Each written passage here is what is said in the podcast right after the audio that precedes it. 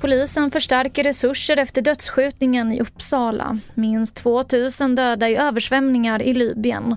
Och ny alkoholråd gällande starköl. TV4-nyheterna börjar med att polisen förstärker sina resurser i Uppsala efter att en man i 25-årsåldern skjutits till döds tidigt i morse. Enligt uppgifter till TV4-nyheterna var mannen inte den tilltänkta måltavlan som egentligen skulle ha varit en anhörig till gängledaren Rawa Majid, även kallad Kurdiska räven.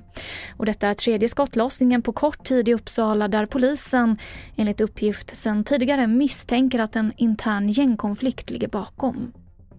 Och efter den senaste tidens våldsdåd som kopplas till just gängledaren Rawa Majid, så kallad Kurdiska räven, som befinner sig i Turkiet så kommer nu krav från oppositionen att regeringen agerar för att antingen få Majid lagförd i Turkiet eller utlämnad i Sverige. Vi hör Socialdemokraternas riksdagsledamot Morgan Johansson. Det finns ju all möjlighet att använda de kanaler som man redan idag har upparbetade och eh, helt enkelt eh, vara tydliga i att vi förväntar oss att, att man eh, lagför en sån här kriminell individ eller tar tag i det. För vi kan inte ha en situation då kriminella sitter i utlandet och planerar mycket grovt våld i Sverige utan att, att det landet agerar.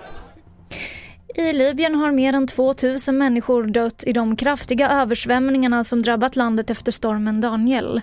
Enligt Röda Korset så är antalet saknade över 10 000 och lokala myndigheter befarar att dödssiffran kommer att stiga ytterligare de kommande dagarna.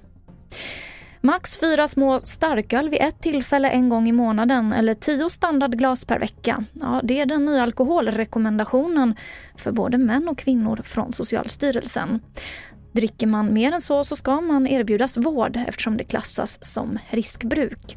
För kvinnor innebär rekommendationerna ingen förändring men för män så är det en tydlig skärpning jämfört med tidigare. Och bakgrunden är att forskning visar att det finns större risk än man tidigare trott för alkoholrelaterade skador. Det var det senaste från TV4 Nyheterna. Jag heter Emily Olsson.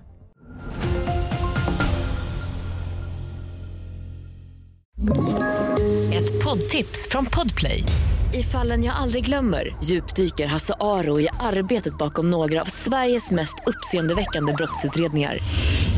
Går vi in med hemlig telefonavlyssning och, och då upplever vi att vi får en total förändring av hans beteende. Vad är det som händer nu? Vem är det som läcker?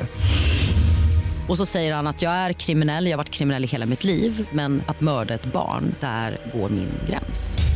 Nya säsongen av Fallen jag aldrig glömmer på Podplay.